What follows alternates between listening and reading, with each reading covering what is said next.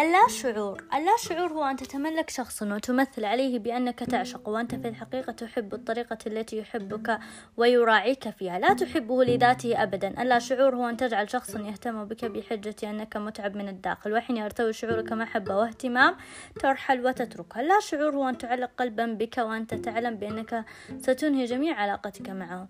اللا شعور هو أن تطلب من شخص أن يكون لك كل شيء وأنت لا تفعل لأجله الممكن. اللا شعور هو أن تفلت يدك من يدك لأنه كان صادقا معك.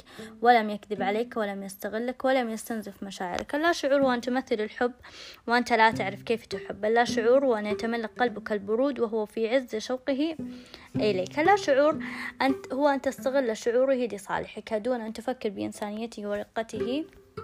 أبدا. ألا شعور أن تهين قلبه لأنه أحبك بصدق وأنت لم تقدم له سوى العذاب. ألا شعور أن تخونه مع أقرب الناس إليه مع أنك تعلم مقدار حاجته إليك, إليك ومحبته.